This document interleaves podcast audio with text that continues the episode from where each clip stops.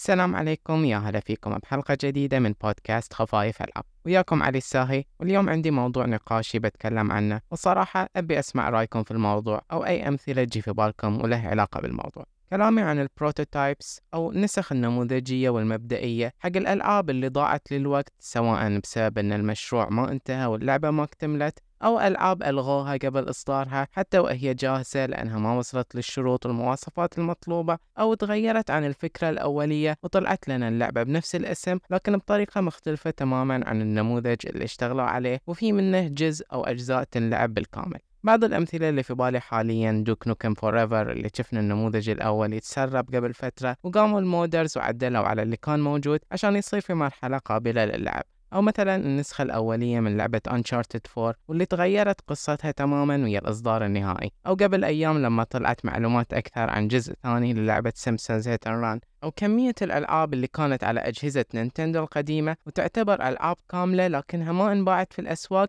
بسبب سياسة نينتندو بتحديد عدد معين للإصدارات خلال السنة الواحدة أو طلبهم من المطورين بحقوق الحصرية في ألعابهم عشان يحصلون ال seal of approval وأخيرا النموذج الأولي للعبة كراش وسبايرال كارت ريسر اللي حصلها شخص في جهاز إكس بوكس كانوا يستخدمون المطورين حق تجربة نسخ اللعبة وهم يطورونها. طبعا اللعبة نفسها ما صدرت ولا كنا نعرف عنها شيء نهائي. نهائيا. الموضوع فتح في مخي احتماليات وأفكار وايد بخصوص هذه النسخ وهذه الألعاب. وأكيد كل شخص منكم في باله لعبة معينة ألغوها مثل ستار وورز 1313 أو حتى مشروع الأونلاين للعبة The Last of Us Part 2 واللي تغير جذريا وما بنشوف نسخته الأولية نهائيا. فتذكرت وأنا أفكر في الموضوع أن معظم الألعاب القديمة على أجهزة NES أو سيجا ميجا درايف أو سوبر نينتندو وحتى بعض ألعاب ال PS1 وال PSP فهذه النسخ متوفرة والناس حصلوها وموجودة أونلاين وتقدر تحصلها بشكل غير رسمي. وحتى إنها موثقة بمستندات في موقع مثل Unseen 64 وتقدر تقرأ عنها إذا ما كنت تقدر تلعبها.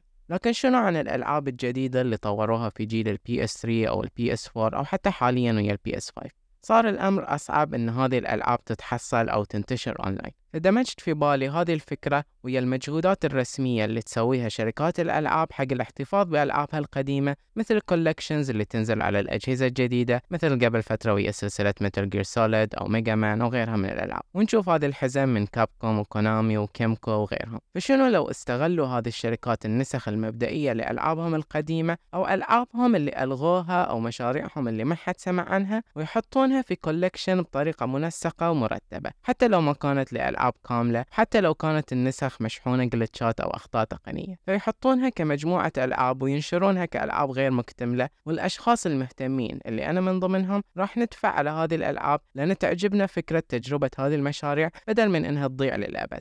لكن المشكلة اللي بتصير من هذه الفكرة إن هذه ألعاب مو كاملة وتعتبر نسخ مبدئية فبتصيدهم المشكلة اللي صادتهم ويا سلسلة متل جير سوليد مثلا. إن مو الكل بيتفهم إن الهدف من هذا ال collection هو الاحتفاظ بهذه الألعاب وتشغيلها على أجهزة جديدة وما تعتبر remaster أو remake وموضوع ميتال جير مختلف شوي لأن النسخ الجديدة أسوأ من الأصلية في بعض الجوانب وهذا الشيء مو مقبول. لكنه لو كان مطابق تماما للأصل فكنت بتقبل المنتج أكثر مما أنا متقبل حاليا. لكن المهم إن هذه واحدة من المشاكل اللي بتصيدهم إذا قرروا يصدرون منتج متوفر للبيع لكن اللي موجود فيه مجموعة ألعاب فيها مشاكل وألعاب مو كاملة وما انتهى التطوير فيها وحل هذه المشكلة في رأيي أنهم يسوقون للمنتج بالطريقة الصحيحة ويذكرون بالتفصيل منهم الجمهور اللي يستهدفونه من هذه الألعاب. وثانيا أن السعر لل collection يكون في حدود العشرة إلى عشرين دولار عشان يتفادون الانتقادات بخصوص السعر.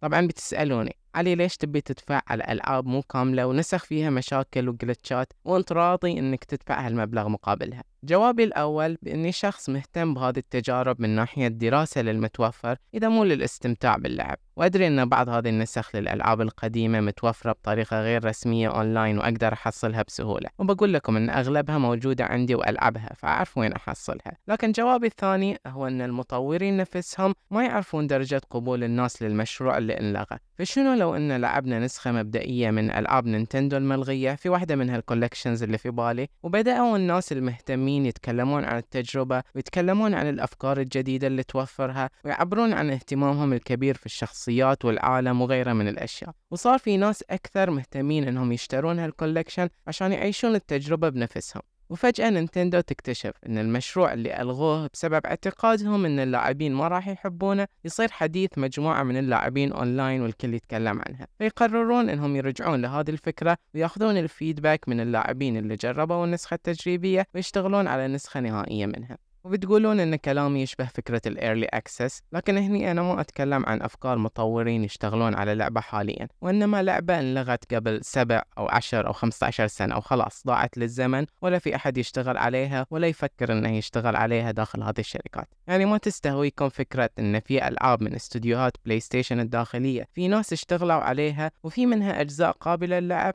لكن انلغت وظلت مكانها بدون ما تطلع لأحد ولا نعرف عنها شيء. وهالفكرة مو غريبة لأن إذا بنقارن الألعاب ويا الأفلام ففي مثلا فينيغر سيندروم شركة نشر أفلام حصلوا فيلم مرمي وأقصد بالفيلم حرفيا شريط الفيلم 16 ملم أو شنو كان حجمه. ومرمي وبدون التسجيل للصوت فحصلوه وما في أحد يمتلك الحق وما أعرف التفاصيل كاملة بالضبط لكن شافوا المشاهد المسجلة على الفيلم وقرروا أنهم يحولونه لنسخة بلوراي ويجيبون مؤدين أصوات خبراء في قراءة حركة الشفاه عشان يعرفون شنو كانوا يقولون الممثلين من الصورة ويخلون مؤدين الأصوات يقولون الحوارات اللي سجلوها بس عشان يسوون نسخة جديدة من الفيلم ويبيعونها للأشخاص المهتمين. فشنو لو يصير شيء مشابه للألعاب؟ إذا في لعبة من سيجا مثلا ومو مهتمين إنهم يرجعون لها ويكون في ناشر ألعاب جديد هدفها الرئيسي إنه ياخذ ويجمع هذه النسخ اللي مو مكتملة من الألعاب وينقحها شوي ويطور عليها شوي ويطلعها كلعبة قابلة للعب على الأقل حتى لو كان مستواها سيء مقارنة بالألعاب الكبيرة اللي تصدر سنويا. أنا شخصيا أهتم بهذه الأشياء فأبي أشوف شيء مشابه يصير لكن كم واحد منكم يشاركني نفس الرأي والشعور؟